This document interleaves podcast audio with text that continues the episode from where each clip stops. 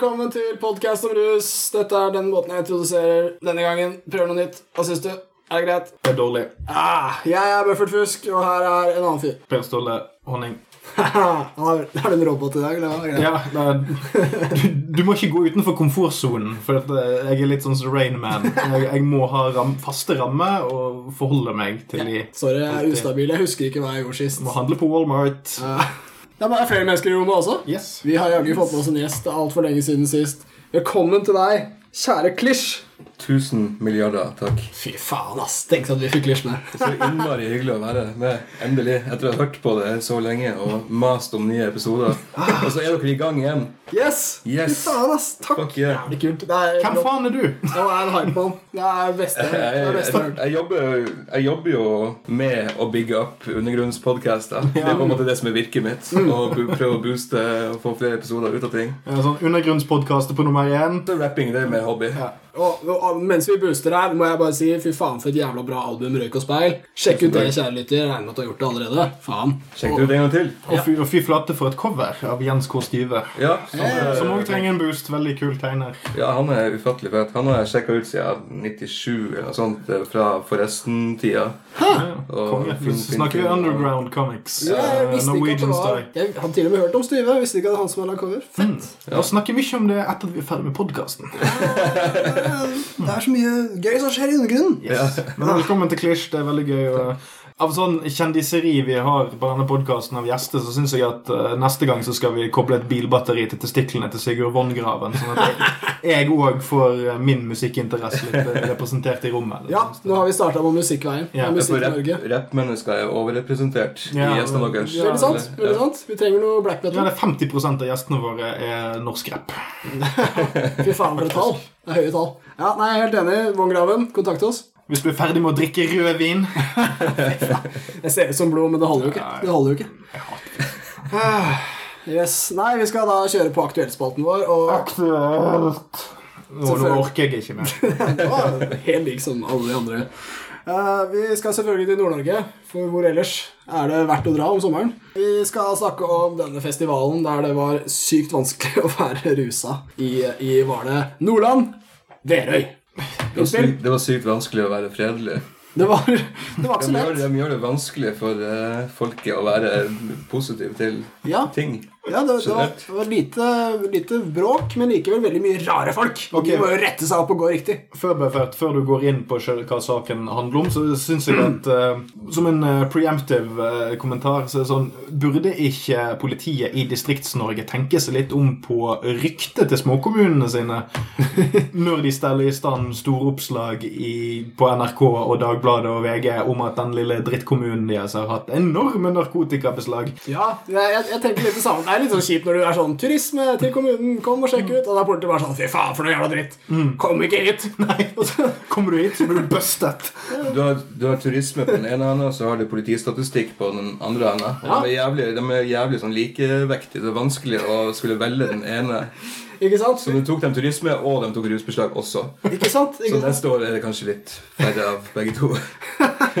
Kommune-Norge sliter. Vi vil jo ha turister, men vi vil ikke ha skurker. De må jo ikke komme. Faen. Men det er skurkene som er pengesterke. Ja, det er, og alle er skurker. Hvis du, hvis du legger lista her, så er jo samtlige skurker det. Sånn er politifaglig Sophie's Choice.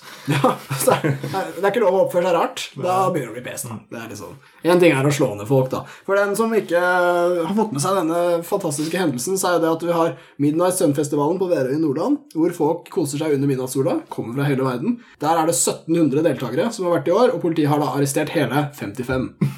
Eh, det er jo mye for eh, Nordland å være, sikkert. Ja. Men uh, statistisk, altså, prosentmessig var det ikke noe stort. Ikke, nei, altså sånn Hadde de stått utenfor Sentrum Scene på en eller annen Any Given Smoky Night, så hadde de jo hatt omtrent samme hitrate. Det er jo ikke Det hadde jo knapt blitt slått opp. Det er bare at de ikke gidder.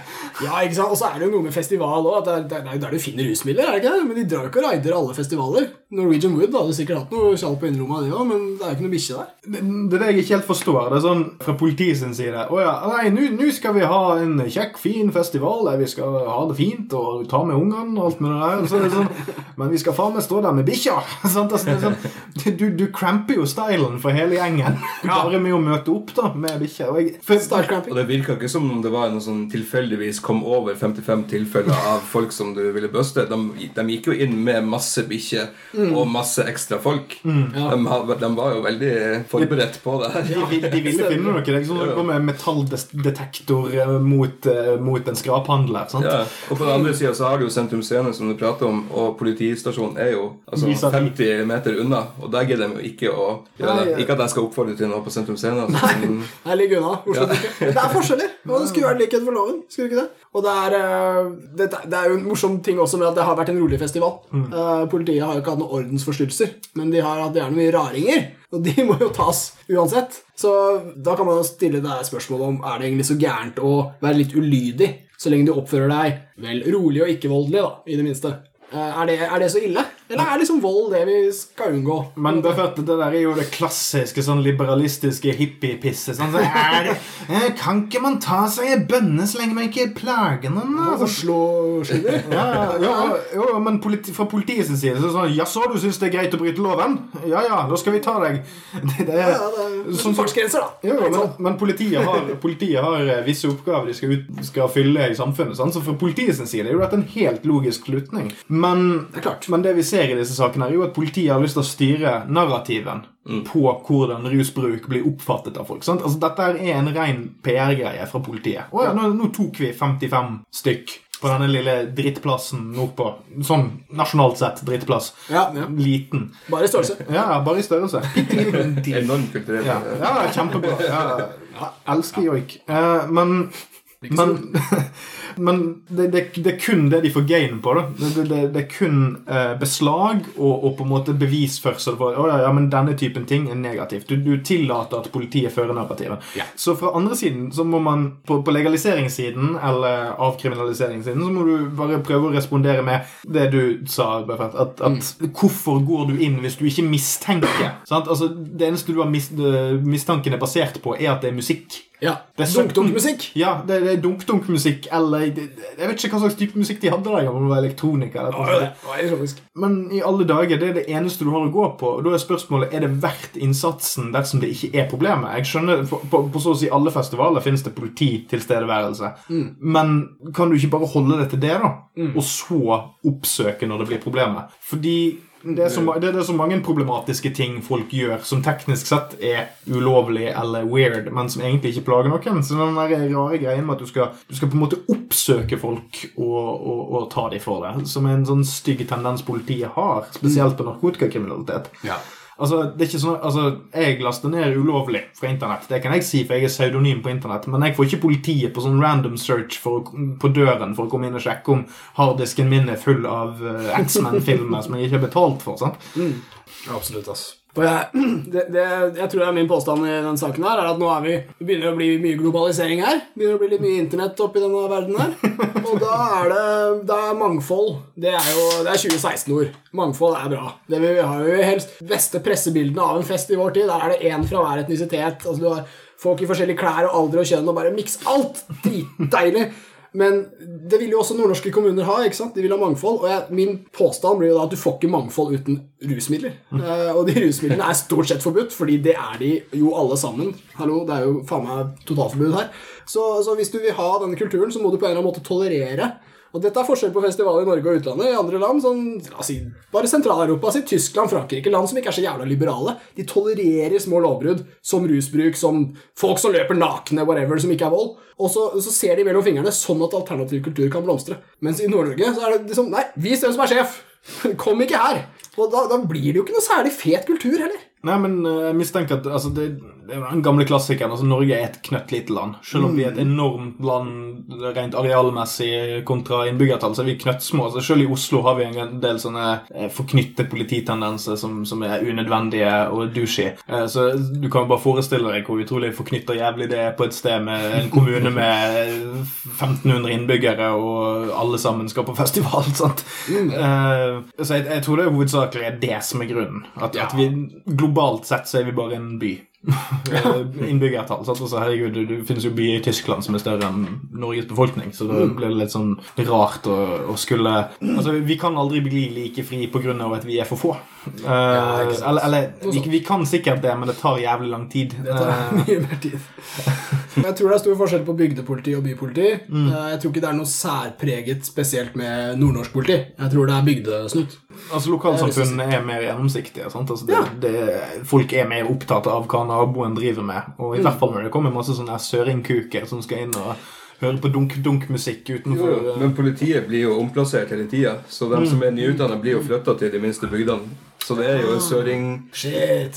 for å bruke uttrykket deres, eh, som er politiet oppe i de småplassene også. Ja, ja, og det, Og det er, tyder jo på at de, de er litt sånn ute etter å bare få vist frem teknikkene de har lært, og ut og bare flekse litt skills. og Tenk hvis jeg var Oslo, tenkte jeg hvor mye lovbrudd jeg kunne forhindra.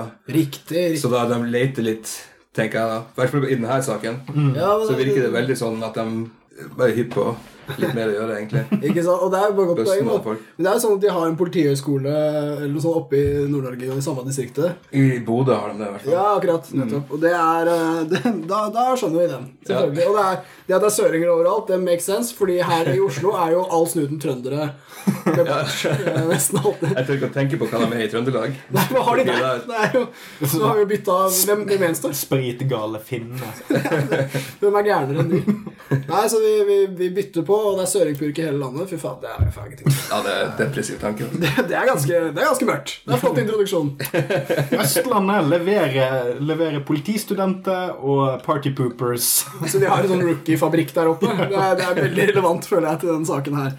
Det kan ikke være helt på sida. Men altså, ja, eh, håper det blir festival neste år, da. Håper ikke Purken får lov til å sabotere det her. For det har vært jævlig mange folk som har jobba jævlig bra, tydeligvis, med festivalen. Så Jeg hå- håper den stakkars 71-åringen som blir busta, ja. Tør å gå på festival igjen, til tross for det inkompetente politiforcen i Salten-distriktet. 71 år gammel japaner tatt med flere rusmidler, fikk jeg vite. Flere illegale rusmidler. Oh, wow. Som noen skrev på Twitter. Håper mora hans ikke får høre om det.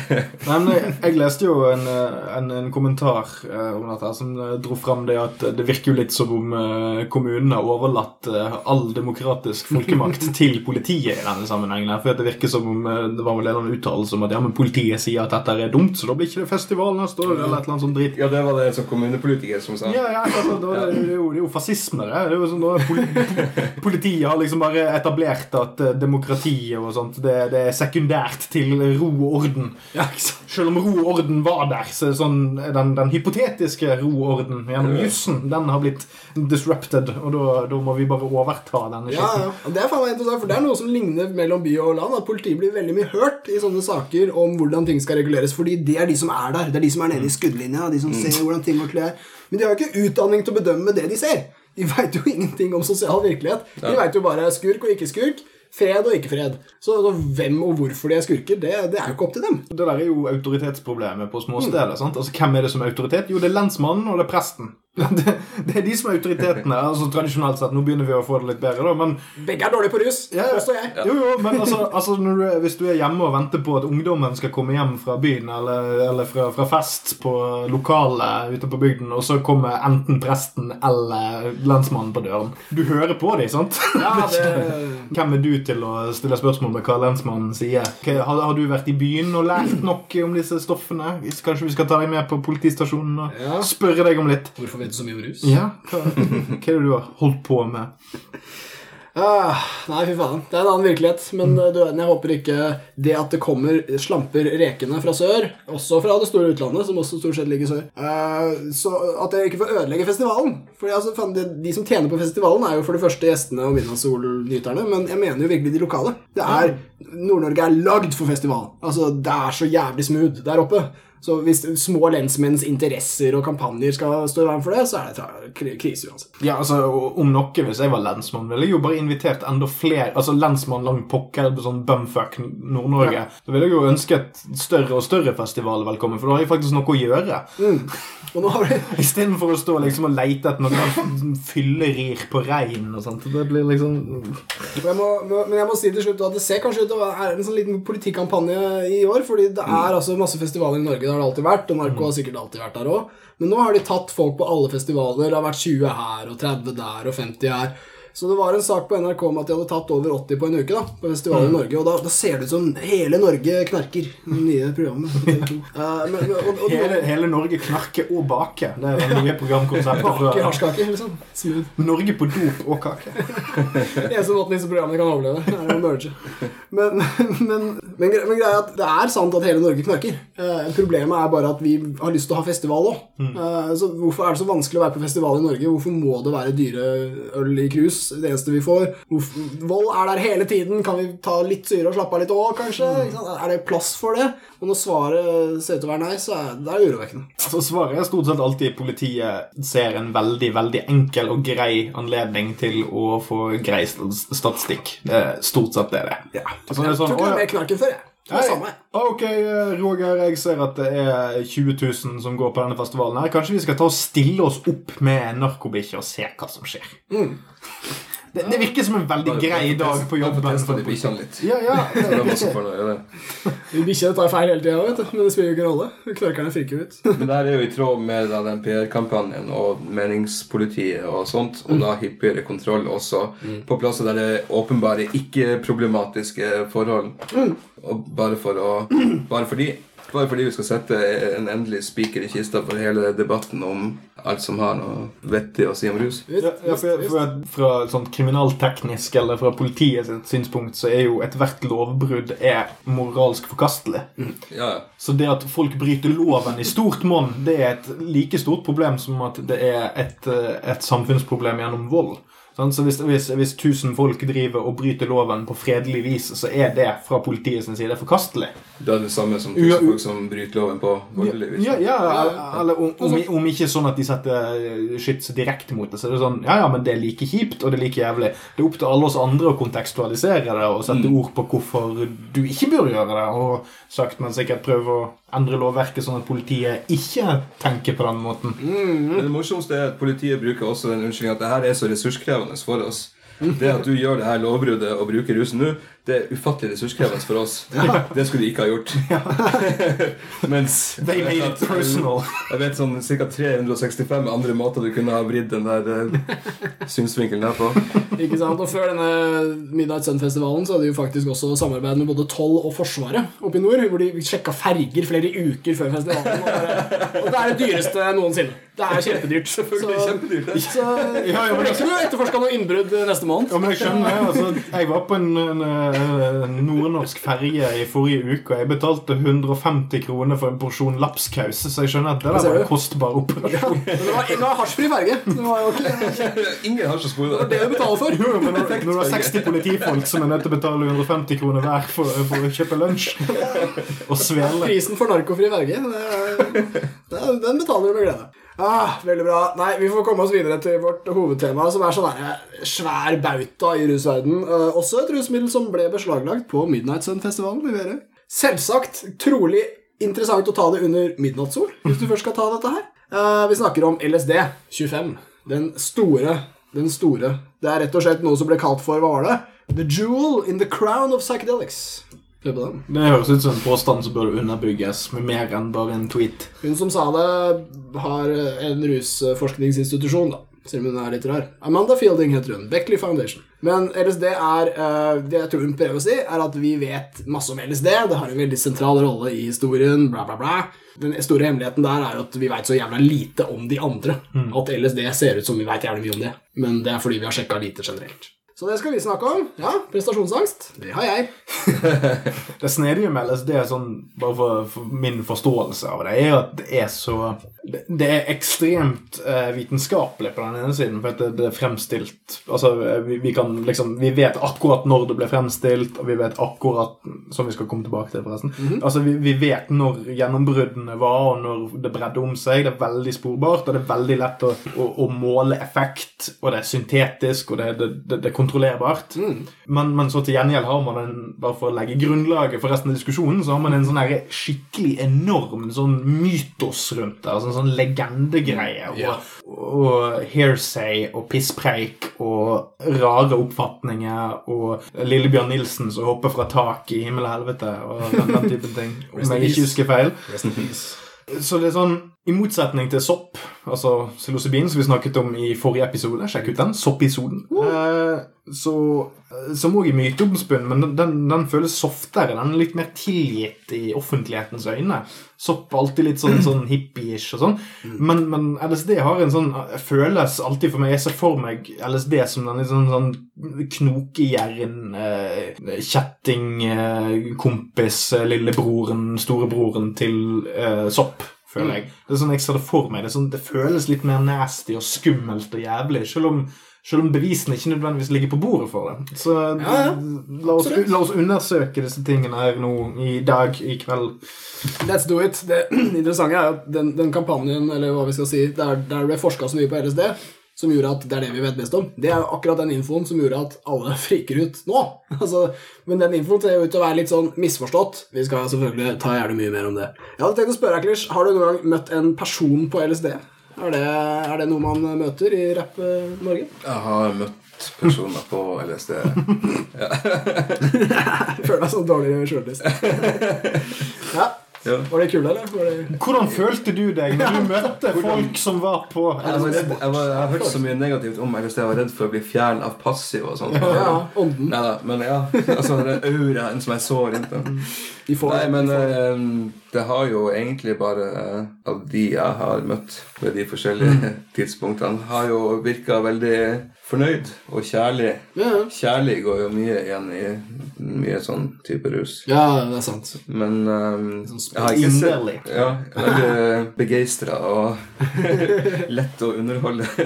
Ja, Nei, men, ja, men altså det, er sånn- Men det virker som men en, sånn der, en sånn glede som Ikke barnslig glede, men en sånn en inderlig glede. Som bare at når du er, når du er begeistra for hvert minste mønster du ser, eller ja, bare hvert minste eh, smilende ansikt du ser, og sånt Det er en glede som er litt vanskelig å matche sånn ellers. Ja, sant. Du ser litt, litt retarded ut, men samtidig veldig, veldig Altså, man blir jo, blir jo glad av å se det. Ja, ja, det samme her. Jævlig alternativt. Er, de oppfører seg underlig. Altså, det er vanskelig å sammenligne med noe, men kanskje litt sånn småpsykisk syke, eller Ja, for, i, mot, Altså, motsetning til det vi snakket om med psilocybin i forrige omgang, så er psilocybin er jo eh, mer organisk. Mm. Litt, litt sånn som hasj, at Ja. du, du vil kunne du vil kunne ha en, en ganske stor variasjon i effekt bare basert på hva type liksom, vekstforhold og næringsstoff og litt sånne ting. Men LSD på sin side er så mye mer syntetisk. Altså, Det, har ikke, det er mye mer målbar ruseffekt. Det er mye mer lik respons. ja det stemmer. du sa vel i forrige episode Buffett, at uh, en person kan ta sopp x antall ganger etter hverandre, og det vil være en ny opplevelse. Den kan være lik, men at det vil være en ny Ja. følelse eller en ny, en ny ting man ser eller gjør. Er en ufor- forutsigbarhet her. Mm. Ja, mens LSD har en mer forutsigbar effekt. Altså det er lettere å spore eller, eller liksom se fellestrekk i personlig opplevelse. Sånn, sånn som jeg har forstått dette her. Ja, men Det er jævlig godt poeng å dra inn der. Altså, fordi Forskjellen på organiske og syntetiske rusmidler jeg har jeg jo nevnt altså mange ganger før. Men altså, syntetiske er veldig Verdt å repetere. Verdt å repetere. De organiske rusmidlene har masse forskjellige virkestoffer i seg. Så De er opp og ned, det er mer en bølgete opplevelse, mens de syntetiske er ganske stabile.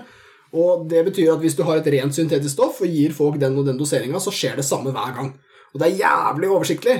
Og grunnen til at vi vet så mye om LSD, er jo fordi amerikanske militære og CIA og den slags brukte det for å prøve å finne ut hvordan de kunne vinne kriger med det og, bygge imperier med det. Og det var avhørsteknikker og putte det i drikkevannet og liksom bombe landsbyer med det og, og sånne ting. Det kommer vi vel litt tilbake igjen til. Uh... Vi, vi gjør det, men, men dette, had, dette er ting som de aldri har brukt sopp til. ikke sant? Altså det, det, sopp blir sikkert ansett som veldig ustabilt. Det har liksom vært der hele tida, og så kommer det en teknisk uh, oppfinnelse som er LSD, og så er det bare perfect. liksom. Men det er også grunnen til at vi vet veldig mye om LSD i dag, fordi at de satte av så jævla mye penger til å sjekke hvordan de kunne bruke dette her. Uh, men ja, vi kan jo det var før de innførte etikken innenfor Central Intelligence og Combat. Ikke sant?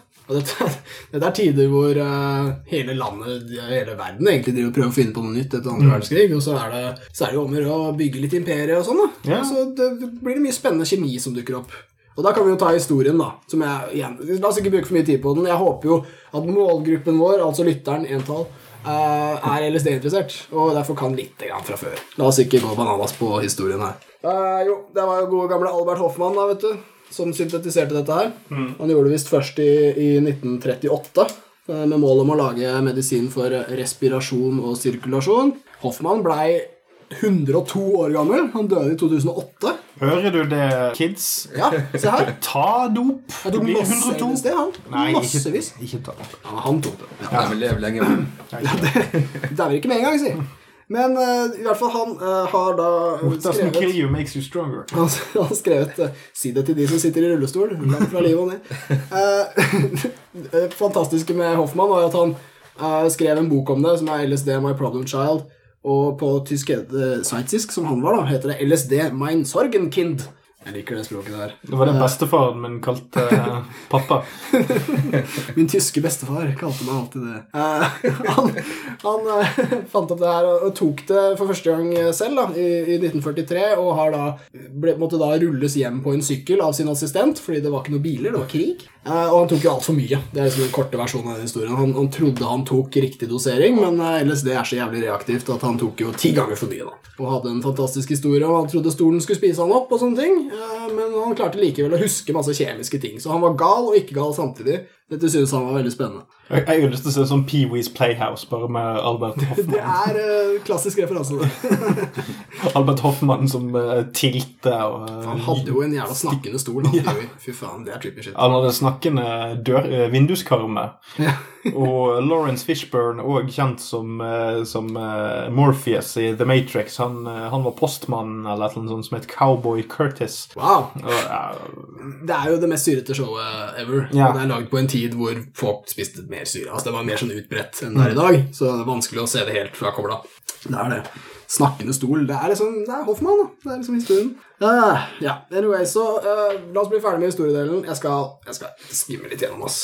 Så er det den som heter Ken Kesey, uh, som jeg tenkte å nevne, som under MK Ultra-eksperimentene. Dette er eksperimentene hvor USA Ken Kesey er han som har skrevet 'Gjøkeredet', som du sikkert har sett. eh, Ja. Med, med Jack Nicholson i hovedrollen. Men det var òg en bok! Ja, det er der han er kjent Det var den han skrev. Men veldig bra du nevner det. Det jeg ville si var at MK Ultra-eksperimentet det var det jeg nevnte i stad. Det var USA-militærets mm. og CIAs store forskningsprosjekt på psykedelika. Det varte i nesten 20 år og ble sletta beviser og veldig spennende. Veldig hjertelig. Fra 50- til 70-tallet. Ja, og så fant de ut av det, og så måtte jeg innrømme det til slutt. Og så, det er perfekt sånn der paranoid schizo-historie. Det viste seg å være sant. Uh, men Ken Kesey han uh, var en ung uh, college-fyr som var glad i svømming og sånn. Og han var veldig antiautoritær, som han også skriver i boka si 'Gjøkeredet'. Men det, han, han var veldig streit i deres øyne, så de prøvde, tok han inn som prøvekanin. For LSD, og han hadde den beste opplevelsen han har hatt i hele sitt liv, så han endte da med å stjele masse LSD av CIA. Som igjen kanskje er den kuleste tingen å gjøre i hele verden. Å stjele LSD fra CIA. Og så Stjele Stjele LSD! Og så, og så dro han da ut og fylte en buss med gærninger, ga dem syre hele gjengen, trolig kom alt fra han, og dra ut på det som heter Mary, Merry Pranksters, som da var på midten av 60-tallet, 65-68-ers, og da visste ingen hva hippier var. Så han var urhippien. Ja, bare for å gå et par steg tilbake for å bare, bare, bare få litt inn hva denne MK Ultra Ja, ja. som- Som høres ut som et jævlig badass metal-band for øvrig. Men Det har blitt lagd noen sanger. ja Det har det. Jo, men altså Det handler litt om om forskning på hvordan man kontrollerer menneskehjernen. Altså det, jeg tror, tror det er en del av de her Mancurian Candidate og litt sånne ting. De, de her mytene om at CIA driver og, og kontrollerer sånne sleeper agents og sånne ting. Det kommer litt fra dette prosjektet. At, at må, målet deres var kanskje det å kontrollere Altså, altså ha, ha, en perfekt spion eller en perfekt måte å påvirke personer som jobbet for andre myndigheter. Og sånt, på, at, at, du kunne, at, du, kunne, få noen til å, å gjøre det du ville. Stemmer. Eh, de kom jo aldri så langt, og jeg tror aldri de ville klart å knekke den koden totalt uansett. Mm. Uh, men det er, så vidt jeg forstår, ganske mange av disse klassiske sånn stoner-mytene om CIA som dukker opp som et resultat av all, all denne forskningen her, da. Ja. At som med så mange andre kule ting, så angivelig kule ting, så dukker det først opp som militært eller etterretningsmessig grunnlag, sånn som internett, eksempel. Og så, og så dukker mm. det så, så, så, oppdager the public det seinere, eller som en, som en bieffekt, da. Som internett. Jeg liker den. Ah, men eh, det er militæret som bruker det, og LSD passer jævlig dårlig med militæret. Jeg husker det var en kompis av meg som sa det så bra, at når du er i militæret, så, så er rang alt. Du får en ordre, og så er det ikke, ikke spør hvorfor du skal gjøre den ordren. Du bare gjør det. ikke sant? You're not the boss of me. så putter de LSD inn i soldater, og så tester de, og det de finner ut, er at de må få vite hvorfor. Det er, det er, alltid hvorfor. Ja, men du er jo bare som meg, mann. Uh, det blir veldig likt, og det blir veldig antiautoritært, og det passer jævla dårlig. I have a dream that one day you won't judge me by the color of my stripes. og det, det, er også det som er den store avslutningen på MK Ultra-eksperimentet, er jo at de putter LSD i en skuff, later som de aldri har sjekka, og sier 'la oss bare glemme det for alltid'. Fordi de, de fant ingen måte å bruke det i krig. Hmm. Og Det er det fett, for de brukte jævlig mye spenn på det, og de makulerte alle dokumentene, og så klarte noen å gjenskape disse makulerte dokumentene med hjelp av teip. Og det er sånn vi fant ut om MK Ultra. Uh, men uh, masse, masse spenn for å se om det funka i krig. Konklusjon nei. Uh, nei. Autoritet, mann. Det funka i fred. Det funker jævlig bra i fred. Da. da blir det Ja, det funker til det det skal i fred, som stort sett bare er å feste. Det er jo ble ikke noe vekst. Og... Nei, Ikke hvis du spiker lukten til folk, da. Nei, det kan spike. Det er jo luktfritt og fargeløst og smakfritt. Ja, men sånn sett, sånn sett kan man jo bruke det i krig. Uh, vi kommer sikkert til å komme litt inn på det etterpå, men uh, det er jo noe med bruksområdene til, til dette her. Uh, men noen av faremomentene med det er jo det å ikke være bevisst på hva du får i deg. Så hvis du, hvis du virkelig hadde lyst til å fucke opp et sted så hvis, du, hvis, du hadde, hvis USA hadde fått det for seg å bare forgifte hele jævla vannforsyningen til Kina eller Sovjetunionen Sovjetunionen med LSD på et eller annet tidspunkt, så kunne mm. de lagd jævlig mye kuk med det hvis de hadde hatt lyst. Utvilsomt uh, kaos ja. hadde skjedd. Kaos, men, men det, hvis, du, hvis, du, jobber i militæret og skal introdusere en ny substans, så tror jeg hovedspørsmålet blir kan de bli bedre krigere av det? Altså, ja. Kan det backfire? Og her er svaret ja. Det er altså Trolig hadde blitt skitt i krigere, men backfiring er mulig fordi det er helt ustabilt. Altså, jeg, tror, jeg, tror, poenget mitt her er at jeg hadde vært en satans god militærrådgiver for uh, måte å bruke knark i krigføring på. jeg tror du har rett. Jeg tror du har rett. Men militær bruk viste seg ekstremt vanskelig, og det, det syns jeg er litt sånn fint. Og den dag i dag så er vel LSD liksom assosiert med folk som ikke går i militæret. Ja. Folk som tar den der verneplikten, eller nei, hva heter det? Den siviltjenesten. siviltjenesten. Der har vi den. Barnehagearbeiderne. Der, de har ofte smakt litt på ditt og datt. De veit sannheten, mann. Jeg vil ikke bli en morder, ass. Drit i at latskap er en stor del av det. Drit i det, sier jeg, som aldri var i militæret. Men det var en fin oppsummering da, av rusen da, mellom gal og ikke gal. Ja, som du sa tidligere. Er det ikke det? Det er liksom- ganske konkret. Ja, ja. Jeg har hørt, hørt folk si at de forstår psykisk syke litt mer etter å ha tatt det og sånn. Det, det, tror jeg på. Det handler jo bare om å tenke ut av boksen. De psykisk syke er jo på en måte stuck utafor boksen. Uh, fint å ta en tur ut hvis du kan returnere. Men, men det, det, det, er jo en sånn klassiker det i, eh, i fantasy-litteratur. litt sånn. Det er jo for eksempel uh, Buffy the Vampire Slayer har en sånn greie med at uh, folk som er mentalt syke, de, de værer forandringer og sannhet på en annen måte. Så det, det, er jo en sånn myte vi har gående med at de som er, de som er mentalt ustabile, de, de, forstår jo litt. ikke det? For ellers er det jo helt meningsløst. ja, ja. Da er det Da blir vi meningsløst, ja. da det ingen giddet å være med. Skal, skal jeg være retard, så skal jeg i hvert fall få noe igjen av det.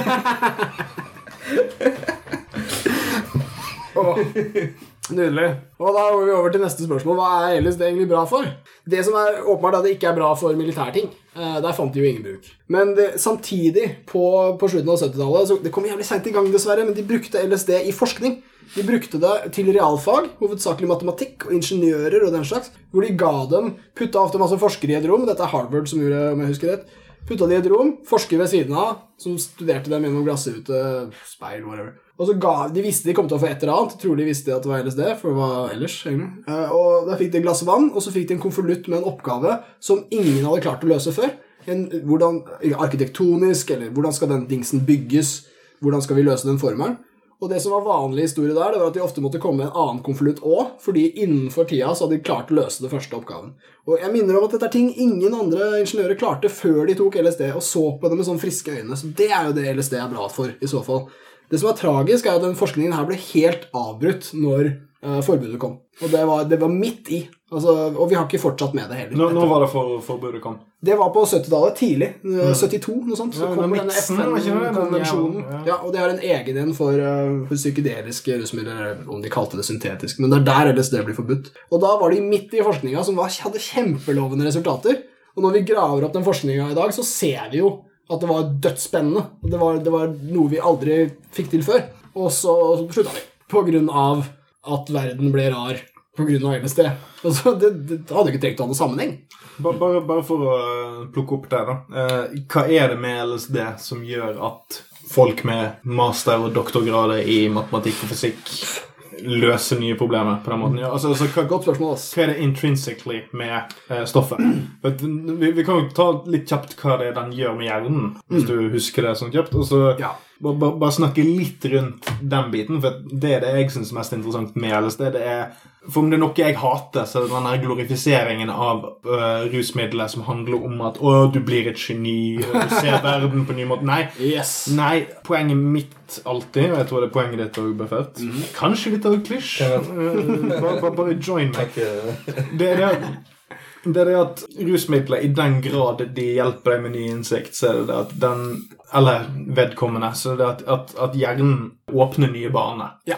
At, at det ikke, du, man får ingen innsikt av rusmidlet i seg sjøl, eller at, at det er en dyd å ta rusmidlet, men det er det at under de beste omstendighetene, under kontrollerte forhold, så kan du tenke annerledes. Ja. Og angripe et problem på en ny måte og se ting fra et nytt perspektiv. Og det er et nytt perspektiv som er ditt eget. Det er ikke, det er ikke noen som har plantet det der. Det er det at du bare bruker akkumulert kunnskap til å bare snu ting og loope det litt, og så få en, ja, få en, få en epiphany.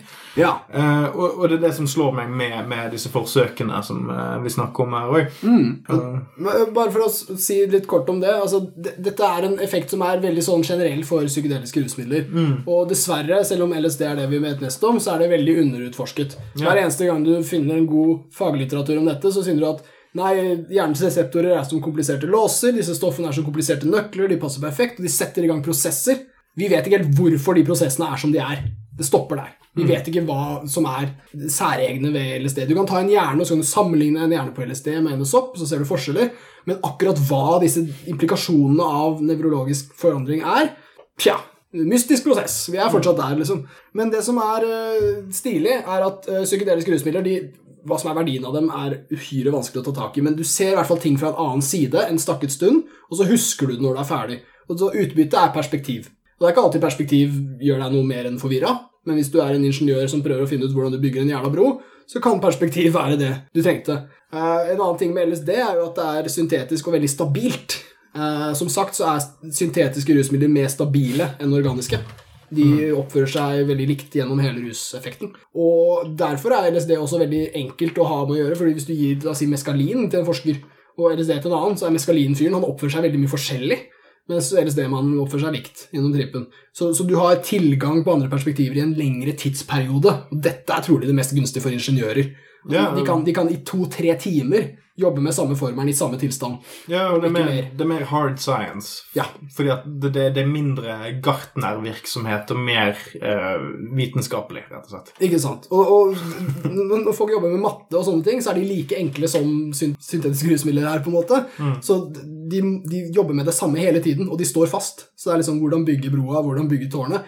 Samme formel hver dag. Sitter og glor på den, sitter og glor på den. Og alt de ønsker seg, er jo et friskt blikk, egentlig. Det er liksom det eneste de ikke har, er det friske blikket. Jo, jo men eh, bare for å dra en idiotisk sammenligning jeg kom på i farten, så virker det som at syn syntetisk psykedelika og organisk psykedelika er litt som Lego og, og eh, trolldeig eller modellkit. Sant? Al altså, altså at, at den syntetiske psykedelikaen er veldig Altså, den er forutsigbar. Du har, du har veldig sånn klare rammer som du kan forholde deg til. Mens, uh, mens modellkitten er sånn Ja, den er der, og, men du kan forme den veldig som du vil, og det spørs veldig på sin stemning. og du kan ikke nødvendigvis lage den samme tingen to ganger. og sånt. At, at det, det er mer matematisk på det syntetiske, nettopp fordi det er enklere å dosere, og det enklere, du, du kan måle Ikke sant? måle ruseffekten. Ja.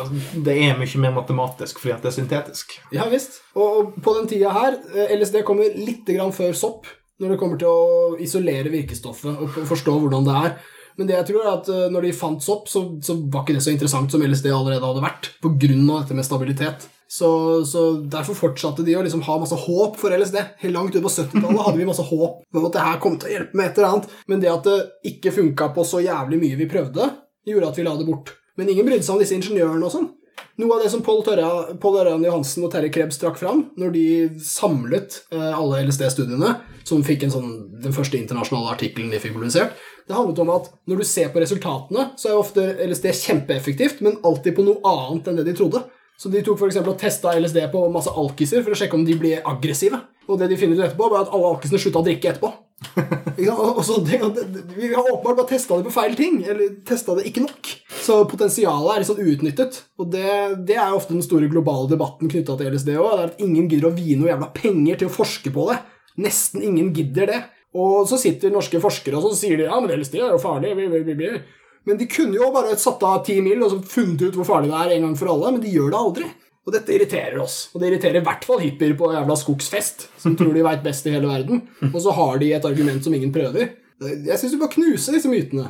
The fuck? Kanskje hippiene tar helt feil, liksom. Men vi vet ikke det før noen vier 100 mil. Ja, Men nå må du endre lovverket. Ja, det var det, da. Det er ingen som gidder å sponse skurkepakk. Det er, det er stort sett det. Altså, det, det er derfor penga ikke kommer fram. Det er den siste biten er sånn, så må vi søke dispensasjon fra Ja. lovverket. Det er jævla brysomt. Og så får du nei, stort sett. Så nei, Vi har prøvd å svare litt om hva LSD er bra for, men vi, som vi var inne på, så har det jo forskningen den har vært litt sånn dårlig. da. Den har jo ofte sjekka liksom på feil ting. Eh, jeg kan ikke gi noen eksempler her nå, men jo prøve å få folk til å slutte å bli sinte med LSD.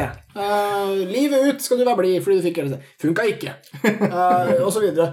Og det, selv om vi har veldig mye data om LSD fra disse forskningsgreiene, så er det dårlig data, eller data som viser at LSD ikke er særlig nyttig til ting. Men jeg tror kanskje det er fordi vi sjekka på feil ting, da. Og avbrøt forskninga litt før. Og det, jeg håper lytteren kan gjenkjenne seg litt i, det er at i hvert fall for min del Jeg er født på midten av 80-tallet. Da fikk vi veldig mye informasjon når vi vokste om at det du i hvert fall ikke må ta, det er LSD. Altså, Selv fleinsopp, på en måte. Det er hasjis, alt mulig skitt. Men tar du LSD, så kommer du til å bli gæren. Knytte seg litt tilbake til min eh, pet theory om LSD som den liksom sånn gatethug-broren til sopp. Ja, det er badboy. Ja. LSD er badboyen til sopp. Fetteren. Ja, de hiver deg ut. Ja, du tror du kan fly og sånn, What an asshole, som eh, Bill Hicks eh, Ja, sa. Hvis han trodde han var en fugl, hvorfor lette letta han ikke fra bakken? Ja, ja det, det, Fugler gjør det. De hopper ikke ut av bygninger. det er masse logiske rester, vet du. Det, Men, men eh, poenget mitt var da at den der utrolig uroen våre foreldre hadde overfor LSD, den var jo basert på disse eksperimentene som ikke gikk så jævla bra. Og vi hadde dem også i Norge. eh, I Lier, og det er også Modum Bad, noe sånt, så hadde de eksperimenter med LSD, og det, alle norske psykiatere vet at de gikk dårlig. Eh, det var det òg før suksess. forbudet ble innført internasjonalt? Ja, og det, det er også en tid hvor man ikke helt vet hva LSD er bra til, men trolig noe. Altså Man har veldig tro på det, og så prøver man det på masse greier, og før man egentlig kommer noe særlig i gang, så er det forbudt igjen. Om det er noe jeg kan se for meg at, at norsk helsevesen ikke er god på, så er det å gi folk psykedelika og prøve å få dem til å slappe av. Nei, altså Ja, for de står veldig rundt og bare Er det ikke dårlig? Det er ikke dårlig, det er ikke dårlig nå. Det går bra. Jeg kødder engang. Jeg ser det helt levende for meg. så Det Med sånne jævla freaky hvite klogger. ja, ja. Og så er det veldig sånn skrekkinngytende rom Det er alltid polstra, og Grønt de har sånn maske foran trynet og hårnetting. Og, og Og, dette ble testa på psykiatriske avdelinger. det går bra, sant? Det går bra. Drit i han som tror han er en ugle og skriker i hjørnet. Bare over seg, han. Bare overse han. Ikke noe å bry seg om. Og hvordan er det igjen, forresten? Ah! Det er helt fryktelig, det. Det. Som vi var inne på i episoden også, eh, forrige, det var jo at eh, når de ga psykedeliske sopp til folk med behandlingsresistent depresjon i England, så hadde de gitt dem det i en supportive setting. Yeah. Og dette er, skriver de bare fordi det har vært kritikk mot disse studiene som ble tatt i liksom hvite sykehussenger med sånne der sykehusdamer som kommer bare sånn 'Hvordan går det med narkoen?' liksom. Gjerne lenka fast. Og, Ja, Gjerne lenka fast òg. Ja, det er ikke kødd. Dette er 70-tallet. Og jo, lenka men folk. Og en sånn- Lier, det er det eneste man tenker på, er lenka fast Sted, Hvordan går det med syretrippen der borte? Og, og, en, og, en, og en sånn maskin som de er koblet til, som sier pip, pip. Sånn Du blir ikke, blir ikke avslappet av å høre. Altså bare Blir satt rett til Chicago Hope dødsleie. Det er- Third stage cancer. urytmisk beep som du tror er hjertet ditt, men som bare er noe helt annet. Å, herregud, det er sånn det er. Det er mulig det er det beste bildet på hele greia. Det er sånn 60-tallet. Masse folk som ligger i sykesenger og får LSD, og da skriker de bare Why? Og så har du Ken Kesey, som er den eneste som har en god tripp. Som bare, det her er jo helt konge! Så stjeler all syra og drar på busstur. Yeah. Er- og sånn gikk historien. rundt og spiker drinkene til halve hippievisa. Det Dæven, Ken Kesey må ha digga LSD hvis han digga det i den settinga der. Jeg har sikkert hatet Ken Kesey hvis jeg hadde truffet ham. Fy faen, for en helt han er. Han er en fantastisk helt, og det er eh, Ja. Det er veldig morsomt at han likte, likte det selv der. Han er på en måte sånn rusmidlenes Thomas Jefferson. Hadde jævlig mange gode teorier, men så var han slavehandler. Ja, jeg, Det var jo en annen tid, så jeg kan se for meg at Kisi også hadde noen ganske kjipe syn på skogen. Ja, altså, Som at han driver og putter LSD i, i drinkene til folk uten å si det. Som eh, electric Ikke at det er det samme som å pule slavene, nei. Det er ikke det, men Når du sier puling, så må jeg si at 70-tallet var også en ganske grisete tid. Ja. Ganske pervo gjeng. La oss til, tilnærme oss dette, dette kontekstuelt og hermenautiske. Ja, greit. Ja, pervoer, da. Ja. Kisi òg, sikkert. Men helt, da. Pervo-helt. Pervo-Chris. Som også var en helt. Perfekt, Pervo-Ken. perfekt parallell. Pervo-Chris. Rest in peace. Jeg tror ikke han tegnes lenger. Ja, Jo, jeg tror det. Ok, bra. Helt, helt på sida av det vi prater om. Men, Ja, ja. men eh, han eh, Stavanger-rapperen Bevis ga ut skive her om dagen med cover tegna av han Walters, som tegna Pervo-Chris. Wow, for real?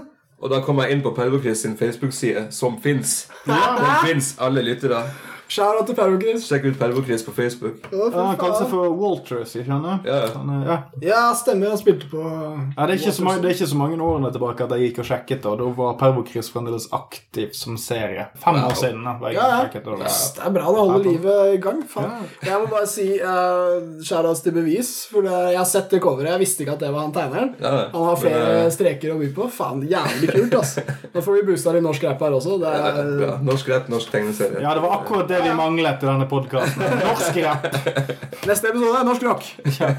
Eller noe. Prøve å hale inn Egil Hegerberg fra Blacks Debatt. Eller eller har du prøvd syreegel? Nei. Nei. Aldri. Ta avstand!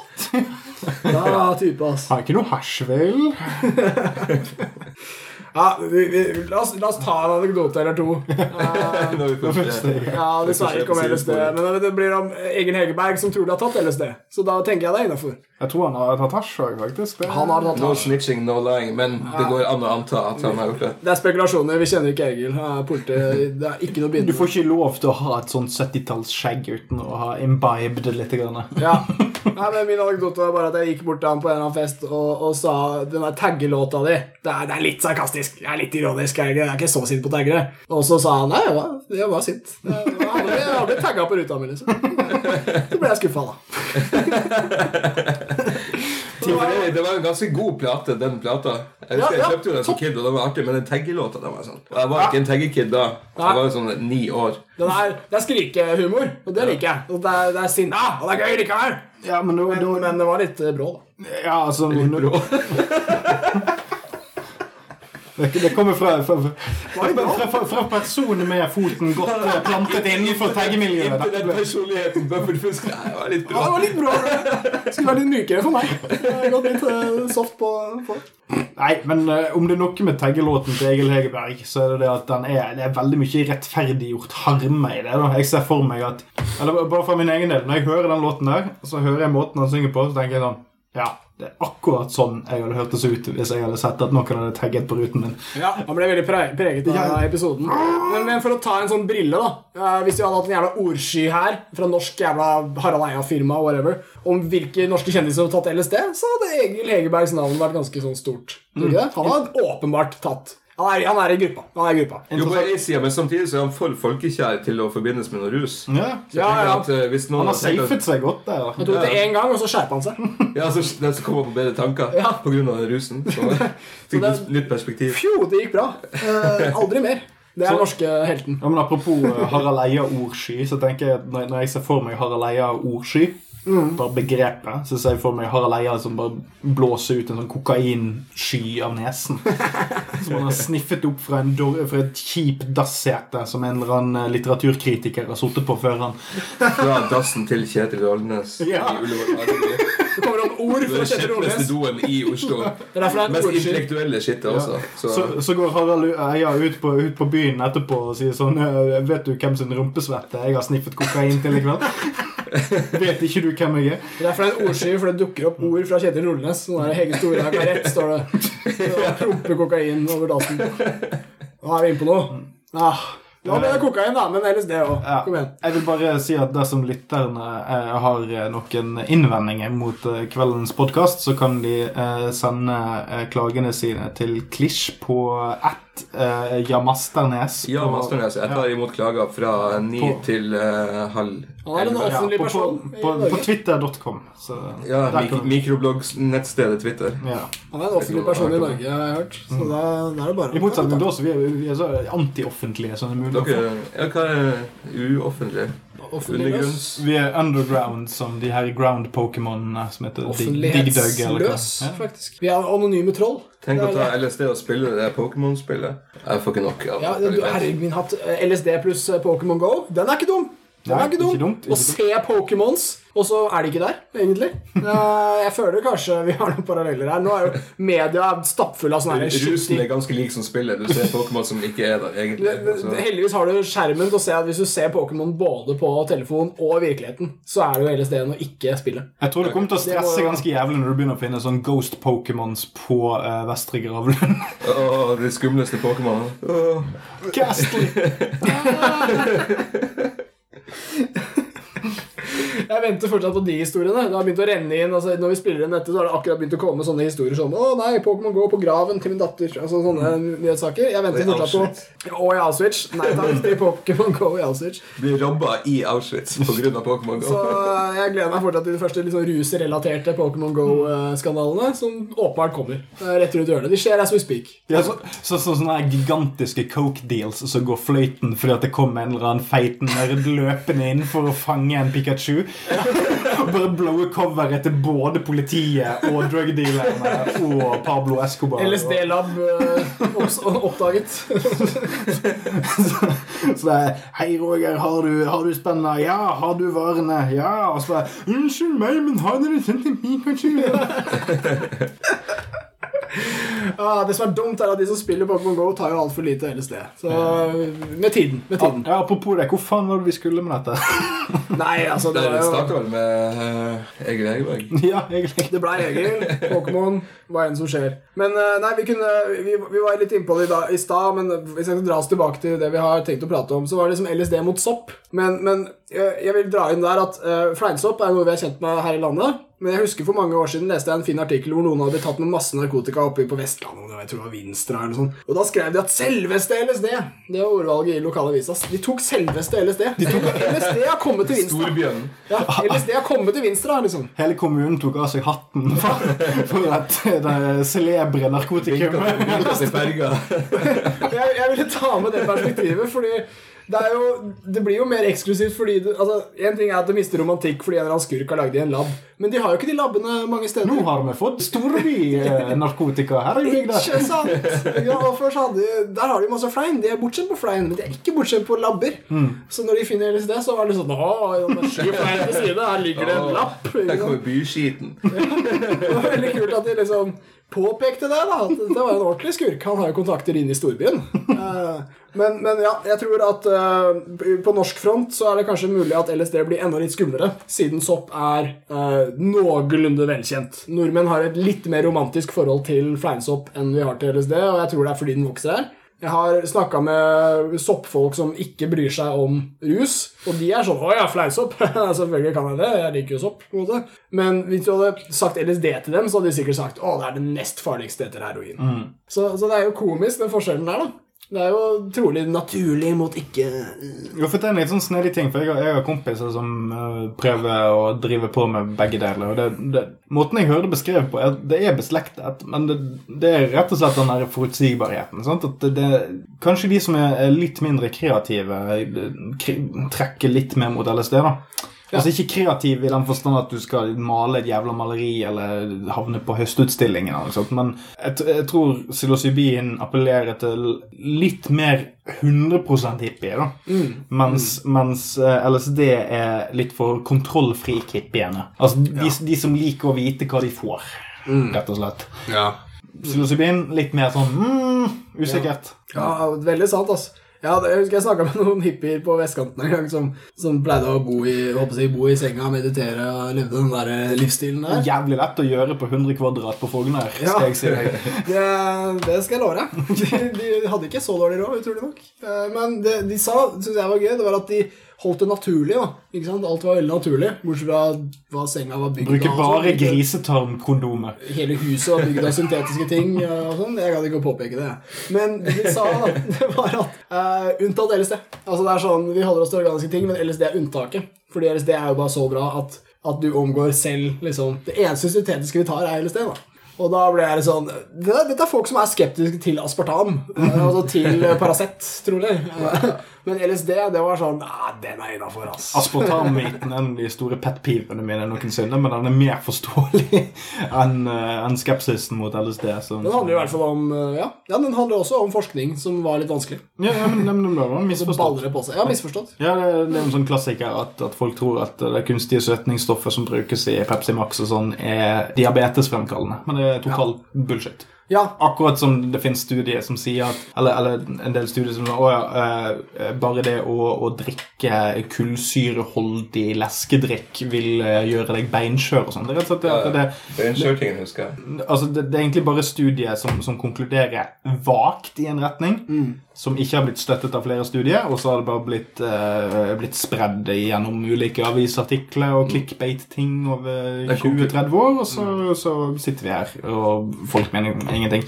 LSD på sin side er jo ikke sånn, i motsetning til plastikk og aspartam, så er jo ikke det noe som, styr, som, eh, som går til store Mammon eller Coca-Cola Company eller sånne ting. Altså, det ikke, du støtter jo selvstendig næringsdrivende som, som prøver å lokalprodusere ting og ja. make a living.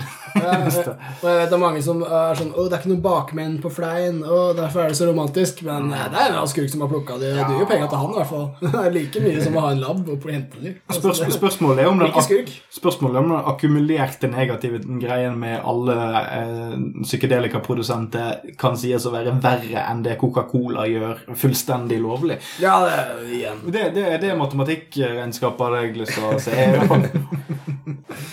I. Ja, ja, altså. Men eh, for å skyte inn det òg Jeg skjønner at folk er glad i naturlige ting. Det er jo nice, det. Det er liksom trendy i den tida vi lever òg. Kall produkter naturlig, så selger det ordentlig så bra. Men det som er grunnen til å ha visse forståelse for det, det er at eh, naturen, når den lager ting, kjemi, så tar det gjerne lang tid. Den er treig. Den er mye raskere enn hos mennesker på plantetidsskalaen og sånn, men det er fortsatt sakte, da. Det som er grunnen til å være skeptisk til syn- syntetiske ting, det er jo at de har oppstått veldig fort. Og i menneskelig historie så har jo de syntetiske tingene dukka opp de siste 100 år, eller 200 år. Og, og det er jo ikke så jævla lenge. Så de bare spretter ut av laben og sier 'spis det', kanskje. I don't know. Og, og, og grunnen til skepsis er liksom multidimensjonal. Mens det organiske er sånn der Å ja, den planten, hva var fetteren hans? Er den digg? Ja, da kan jeg ta den. Altså, vil du ha tatt Ja, ja. 100 000 år uansett. Poeng. Uh, så det, dette går så fort. Det gjør at vi er veldig skeptiske til syntetiske ting. Det hindrer ikke folk i å banke i seg Paracet og Ibux og alt som er testa i et par uker. Men uh, jeg skjønner at folk heller vil ha naturpreparater. Derfor gjentar jeg mitt evige mantra i podkast om rus. Dere må ikke stole på naturen, at den vil det beste for dere, ass, kjære individer av menneskearten. Naturen er full av kreative gifter. Fytti helvete som du kommer til å daue hvis du spiser feil ting. Ja, altså eføy. Når vi, la, når, vi lager ting, når vi lager ting i lab, så lager vi det noen ganger for krig, og da lager vi sykt heftige gifter. Men de labbene har vi skilt fra de andre labbene. Eh, Så stort sett så lager vi ting som er mye tryggere enn det naturen lager. Naturen driter nemlig i oss, mens det gjør ikke vi. Eh, Vi er opptatt av oss. Det jo den sketsjen de hadde på 5080-nyhetskanalen med han som ville asfaltere naturen. For mm. Naturen er så jævlig menneskefiendtlig. Det er som om den prøver å slå oss i hjel, right? Ja, ja. Det er ikke kompis i det hele tatt. Jeg liker, liker meg best der det er liksom gatelys, folk å snakke med, jeg kan kjøpe kaffe Jeg liker den sketsjen 'La oss slåss imot'. Ja. Altså, la oss liksom, naturen vil ikke ha oss her. Ok. Ok, ja, er Skal vi vise naturen hvem som er sjefen? Vi finner ingen gatelys i regnskogen, og der har du et stort argument for å brenne ned ski. Og før du vet ordet av det, så kommer det sånn her eh, Navajo-indianer og skyter en pil gjennom skallen din. Sånn. Så du står der og nyter de her eh, jævla organiske urtene dine, din jævla kuksuger. Ja, vet du hva, Vi må få i gang noe syntetisk næring, sånn at folk kan leve utelukkende vekk fra organiske ting. Bare syntetiske ting, kan folk si. Lever på aspartam og Paracet. Ah, Kan jeg spørre om noe åpenbart uh, utdanna? ja, ja, ja. Hva, hvordan kan man måle styrkegrad på LSD? Ah. Eller på rus? Eller på graden av funk? Eller hva man skal kalle det? Mm. Ja, Bra spørsmål, Altså det. om du får én ting, eller altså kan du måle Skjønner du hva jeg mener? Ja, visst, jeg visst, jeg gjør det. Jævlig bra spørsmål, da. Jeg, jeg synes at eh, Altså, jeg, jeg kan ikke så jævlig mye om det. er Det første jeg må si. Det fins forskjellige måleenheter for alle typer stoff. da. Men uh, når det kommer til LSD, så har folk nylig begynt å teste det. Og det var veldig fint at jeg kunne komme inn på det, for nå fins det fake LSD.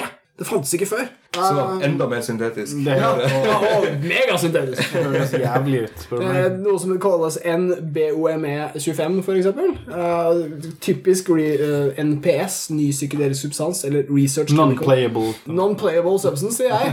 Eh, det er ikke noe gøy. Men altså, det er veldig likt LSD, så likt at folk tar feil. Liksom. Og det de har fått nå, som ikke fantes før, det er jo da eh, testsystemer som du kan dryppe på LSD-en din og se om det blir riktig farge. Som heter eh, reagenttest, som er for å verifisere at det i hvert fall er riktig rusmiddel. Det fins også for andre rusmidler sånne renhetstester, så du kan måle nivået av virkestoffet. Om det er noe mye annet der, da. Hvor konsentrert det er. Ja, for enkelte ting blandes jo ut Ja, mye før sluttbrukeren får det. Yes, og, og med LSD så er det vanskelig å blande ut, for det er bare dryppa på en jævla bit med et eller annet, og så heller litt sånn vann på Ja. og du får ikke økt vekta, ingen bryr seg om vekta uansett. Uh, men på pulver og sånn, så er folk veldig opptatt av å øke volumet i vekt, ikke sant, og da kan de tjene mye mer penger. Så hvis du kjøper MDMA eller kokain eller sånn, amfetamin kanskje, så kan du kjøpe testkits, hvor du kan putte litt pulver oppi, og så kan du se hvilken farge det blir. Og mørkheten da, på fargen avslører hvor potent det er, hvor mye virkestoff som er i. Altså, Man burde jo ikke ta LSD i det hele tatt, men Nei. skulle man ha gjort det, så er det Jeg tror ikke det her går på LSD, faktisk. Nei, okay. Jeg tror ikke styrken kan avsløres før du spiser den. Nei, det er jo okay. krise, bare det. Men, men, men der er vi. Men, men, men purity kan heller ikke avgjøres. Nei, ikke på LSD, tror jeg. Nei. Men, men igjen, prove me wrong. Men, men, men, men Men det er kanskje ikke så mye å tjene på å bøffe ut ting heller. Eller, Nei. altså, hvis, du, Stemmer. hvis du først har tatt deg bryet med å dryppe det på et papirark, og så kommer det fra den og den plassen, eller hva vet jeg Det er veldig bra. Altså, men- Det er helt riktig det du sier. Fordi du, er, Målet er ikke å øke volumet på vekta. Så noen har dryppa en dråpe på en bit, og hvis de har dryppa for lite, så ble den for svak. Og, og that's it. Så det er ikke noe annet der. Nei. Stort sett. Nei, for jeg, jeg jeg tenkte bare sånn, uh, siden vi gikk inn med syntetisk og sånt, at Ja. eh, hvordan scammen fungerer eventuelt, eller hvor, hvor, hvor lite du får igjen for å kjøpe fake, eller hvor farlig det er. Ja, og, og, men, men bra du drar inn det òg, fordi det eneste disse testsystemene funker på, er syntetiske rusmidler. Og det er fordi testsystemene i seg selv er syntetiske. Og de er kjempeenkle. De er ofte blandet av bare to grunnstoffer og sånn. Og, og det du kan gjøre da, er at de to kan gi oss info om et tredje stoff, som MDMA eller noe sånt. Men se det på kloakkmålingene, f.eks., som har vært av Oslo og Bergen og Hamar. Hamar! Hamar er med. Så er det, De måler f.eks. syntetisk cannabis, cannabinoider, men de klarer ikke å måle organisk. Eh, de måler amfetamin, kokain, MDMA. Mm. De klarer ikke å måle heroin. Det er fordi heroin er organisk. Ja. Det, det er innmari stilig, ikke sant? Men det, igjen, det syntetiske er så jævlig oversiktlig. Det er igjen det fine med, med LSD over eh, sopp. Hvis du liker den slags. Men uh, oversiktlighet er vel ikke helt det du er ute etter når du tar det, uansett. Så, men ja, eh, det, det går an å teste rusmidlene sine, og da får jeg gjerne slengt på det på slutten òg. Test rusmidlene, what the fuck? Det fins masse jævla tester, og de er ikke så dyre, selv om de som selger dem, er grådige. Så, så, så kjøp de. Uh, vær en rusnerd. Jeg skjønner at folk ikke vil ha det identiteten sin og sånn, men når alt fins i fake variant, og du lever i en tid hvor alle dealere er skurker og lurer deg og fucker deg, test da, for faen. Test. Hvis du hadde vært horekunde, hadde du foretrukket om den prostituerte ikke hadde testet seg? Jeg ville i hvert fall vært veldig skeptisk til en prostituert som nekta. Og yeah. det fins uh, rusdealere der ute som er sånn Hva faen, tester du?! Yeah. Og det er de horene. Det er på en måte Det er de damene som, som har noe å skjule. Ja, altså Bruk dong hele tiden, alltid, men det, det, er sånn, det er et kvalitetsstempel å kunne liksom Aids-fri Ja. Og så veit vi også at uh, det finnes en dokumentar for eksempel, som heter What's In My Baggy, som er veldig LSD-relevant. Kan nevnes her. Den heter det. .com. Eh, Det høres ut som en jævlig dårlig oppfølger på sånn her uh, Yo Mama-greien til Wilmer De bare valgte et dårlig navn! En topp dokumentar. Men det er egentlig bare en eh, point of view-film og dokumentar om at de drar rundt på festivaler i USA, og så tester de for folk. Og det er ulovlig å teste på festivaler i USA, som i Norge. Fordi det oppfordrer til rusbruk av en eller annen grunn. Være kvalitetsbevisst. Ja, og vite hva du tar. Ja, ja så, så me- du er mer lovlydig med å eventuelt ta PMMA enn MDMA. USA, Det er mer lovlydig, I. USA har de faktisk en regel som er at det å teste rusmidler på festival er forbudt, mens på privat er lov. Så den er jo veldig lekker. Men det de fant ut i den dokumentaren der, det er jo at veldig mye av det som selges som eh, LSD, ikke er det. Det er den andre, NBOME. Uh, mye av, veldig mye av det som selges som MDMA, er det ikke. Det gjelder også kokain, men dette var i USA. Der veit de stort sett hva bra kokain er, så det var ikke så mye av det. Men det de snakka med der, det beste i dokumentaren, er at de snakker med en dealer som sier What the fuck? Hele posen min som jeg skulle selge på festivalen, er ikke MDMA. Ja ja, jeg selger den likevel. Eh, fordi han har jo gjeld. Han, har jo, han må jo få igjen pengene sine. Og Han kan, dette han kan ikke begynne å, tenke, å ha samvittighet da. Nei. Den må man ha litt Ta støyten som en slags Robin Hood. Kaste posen. Nei, det blir for mye. Så det er hovedpoenget i den dokumentaren der. Det er nesten som man skulle regulert. Og, og, du, og, og, Like før jeg begynner å tenke at man skulle regulert ikke sant? Og nesten alle de tester har et utfall som er overraskende for eh, besitteren. Og veldig mange av de som besatt rusmidlene, de sier 'Å nei, det er ikke MDMA. Hva er det?' Så sier testeren 'Jeg veit da faen'. Og så sier de 'Ja, ja, jeg tar det likevel'. Og dette er en fucka kultur. Dette er en dårlig kultur. Det er nesten som om at man kunne si at uh, dopkulturen generelt er en fuckings indictment mot rovkapitalisme. Eller free market capitalism. For se, hva som skjer når du ikke regulerer en dritt. Da skjer de tingene der. Jeg har en investering som nå er compromised fordi at jeg har fått levert drit. Hva gjør jeg? Ja. Hvis jeg ikke selger dette videre, så er jeg fucked fordi at jeg har ingen backup. Ja, og dette er kjempebra. Ta det kapitalistiske perspektivet. Krigen mot narkotika skulle senke eh, etterspørselen. Det var målet. Da ville også tilbudet synke. Det var hele målet. Men så hadde de ikke noe backup-plan, og så økte etterspørselen. Så hva skjedde? Dette. en hel haug med kuker som sa sånn Ja, jeg har noe knark i en pose. Hva er det for noe? MDMA? Whatever. Bare ta det. Det er festival, er det ikke det? og så masse brukere som bare Ja, stort sett går det bra. Jeg bare spiser det, og så blir jeg stort sett ikke et lik. Ja, for- for- og da fortsetter jeg. For selv de mest ekstreme eh, Selv de som leverer store, ekstremt store kvanta til markedet, altså av smuglere og bakmenn og sånn, Mm. så, så finnes det ikke en eneste ting som, som eh, på en måte kommer inn og krever at det de leverer, er akkurat det de påstår. Eller at det skal være sikkert. Mm. Ingen. Ingen i det hele tatt. Eh, Det eneste de kan levere, er et minste minimum av, av eh, risikominskning. Det er det eneste de kan tilby. Det er det eneste som er mulig, som ligger på bordet. Det er sånn, ja, ja, du dør ikke av det. Ikke? Med mindre, med mindre du selger heroin og sånt, da, da, da er det en litt annen sak. Men hvis du, hvis du selger MDMA, eller hvis du selger hasj, eller alt mulig sånn dritt, det eneste minste kravet er at å, du dør ikke av det. Ikke sant? Alt ene- annet kan det skammes. Alt. Kilopris, piss, Ikke alt. sant? Og i og med at våre myndigheter, eller USAs, eller hvem enn alle myndighetene, steller seg på siden av dette her, det gjør at de nerdene som er interessert nok og villige til å kjøpe inn for egne penger ruskits og drive og teste alles knark og være mongo-nerd og bruke tida si, det er den eneste forcen mot urene rusmidler. Ja. Så kjære lytter, bli en nerd. Kjøp altså testkits og test knarkene til vennene dine hvis du bryr deg om helsa deres, for det er jo faen meg ingen andre som gjør det. Ja, bare ikke rør det sjøl, da. Nei, nei, herregud. Test det, fnys, hev deg over det, og ligg med damene deres. Ja. Men, mens, mens de ligger der. Det er, det er det vi pleier å gå for, da. Altså, Det vi gjør etterpå, jeg, når har lagt jeg har vært straight edge siden konfirmasjonen. Jeg har, jeg har pult mye, for å si det sånn. Der ligger med lytterens dame, da. Det er stort sett det. Ja, for, altså, for et, jeg, er den lyttende personen. Vet du, når, eh, Ja, når ingen funker. andre vil høre. Det funker som faen med damene. Folk hører på vår podkast, blir utlytta, blir slitne, går og legger seg. Vi er utprata. Går til dama deres, lytter. Ja. Fy faen. Det er bare en jævla pyramid scheme i hele podkasten. Herregud, det var på tide vi fant ut den strategien der, altså. Nei, det er det bra. Kanskje vi skal ta en liten avrusning. Avrus... Ok. Ja, vi har um, babla masse piss. Deilig. Alle LSD-nerder som zooma inn, de håpet å få en leksjon om LSD. Vel, de fikk noe helt annet. Problemet er jo med norsk rap sånn generelt, det er jo at vi avspores jo så til de grader. Det er jo det Klisj har brakt til bordet. her nå. Ja, Vi- jeg at jeg, jeg tok med fire avsporinger til, eh, til hjemmet deres. Perfekt. Og, men så sitter vi her og prøver å imponere deg, da. Altså, det er jo sånn, Ja, okay. det er sånn, sånn kappgang i nei, kappgang? Ja, jo, jo. Hva Ja, ja, ja. Slags kappgang i å imponere deg å være imponans. velformulert og ha masse artige anekdoter. Så det, Det gikk sånn passe. ja. Ja. Nå er det i hvert fall et sånn kvarter mer som lytteren vår kan eh, høre på eh, når han skal sove. Ikke sant? Ja, det, er det, gratulerer. det er viktig det å ha selskap i en god podkast når Ja. du skal sove, eller når du skal være på do. Ikke sant? Som en ny catchphrase. Vi er opptatt av mangfold her. i Hva, har du lært i dag? Klish? Eh, det jeg tar med meg, er mellom gal og ikke gal. Det er den eneste Ah, nice. Veldig, veldig godt uh, oppsummert. Så det tar jeg med meg, og det skal jeg markedsføre. og, Nice. og selge som en kul drikk uh, neste år. På Fuck yeah. Middle crazy. Middle crazy mixture. Meltdown på boks. Ja, altså, ja. Metal Meltdown. Eh, vi, vi var gjennom eh, Nord-Norge. Nord-Norge og LSD. Vi klarte å kombinere det. Ja. Takket være politiinnsatsen på Værøy Og nordnorsk rap. og nordnorsk rap. Yes. Wop, wop. Så ja, masse arrestasjoner på festival i sommer. Eh, lite budskap vi kan slenge inn der. Eh, Politi, vær litt kul. Vær litt kula. Ta, ikke vær så streng, da. Ta og drit i, da.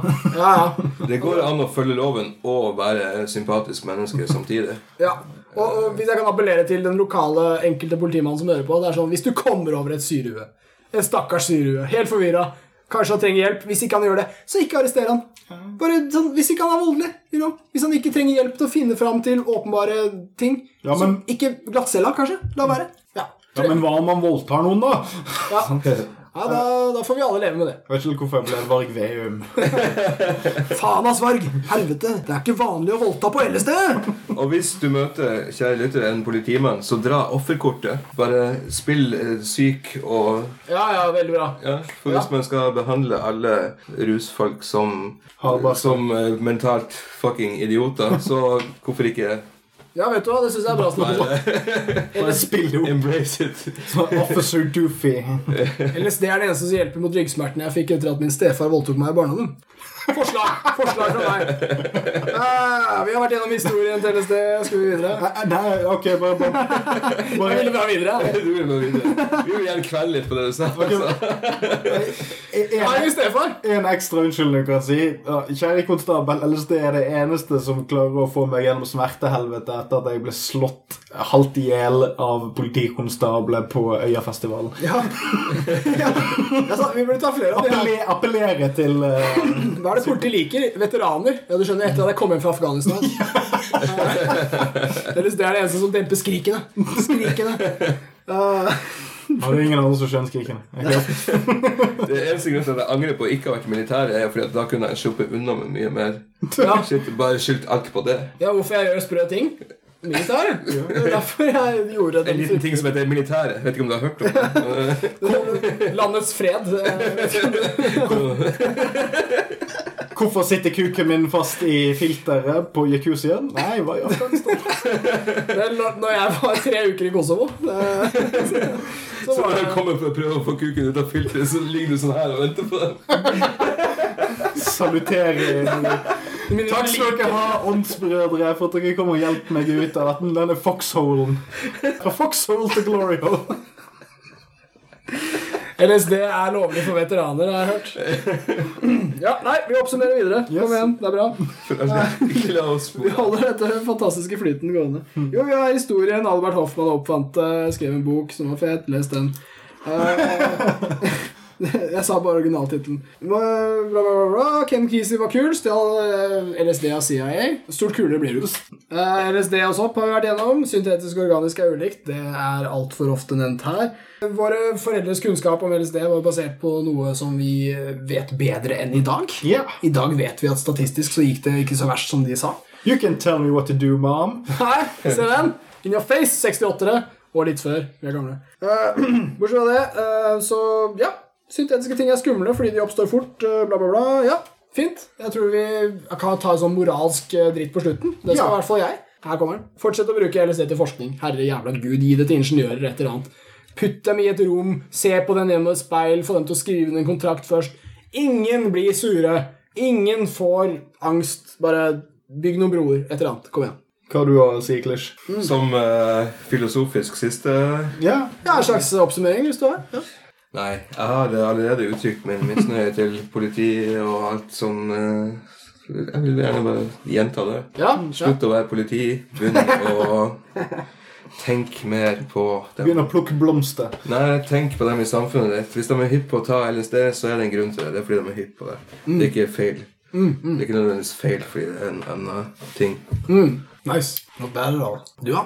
Hæ? Meg? Ja, du òg. Nei. Jeg tenker, jeg- Fuck disse jævla hippiene og blomstene deres. Jeg, jeg, Nice. Det har blitt så jævlig mye psykedelika. Nå må vi snart begynne å snakke om eh, kokain og rock og lange linjer og eh, strippere og sånn. Jeg begynner å få østrogen ut ørene her. Men eh, jeg er jo helt enig. Alt. Mer kjærlighet, færre snut. Fuck politiet for life. Ja. Fuck politiet på en koselig måte. Altså, sånn, ta, ta ned buksene, cradle the balls. Legg dem ned sakte Ja. i alle distrikter. Fuck autoriteter. Gently. Som podkast om rus. Vi er en autoritet. Vær snill med oss. Elsk nært med oss. Yes. Nært og kjært. God natt. God natt, din styretrippa jævel. Vi ser deg.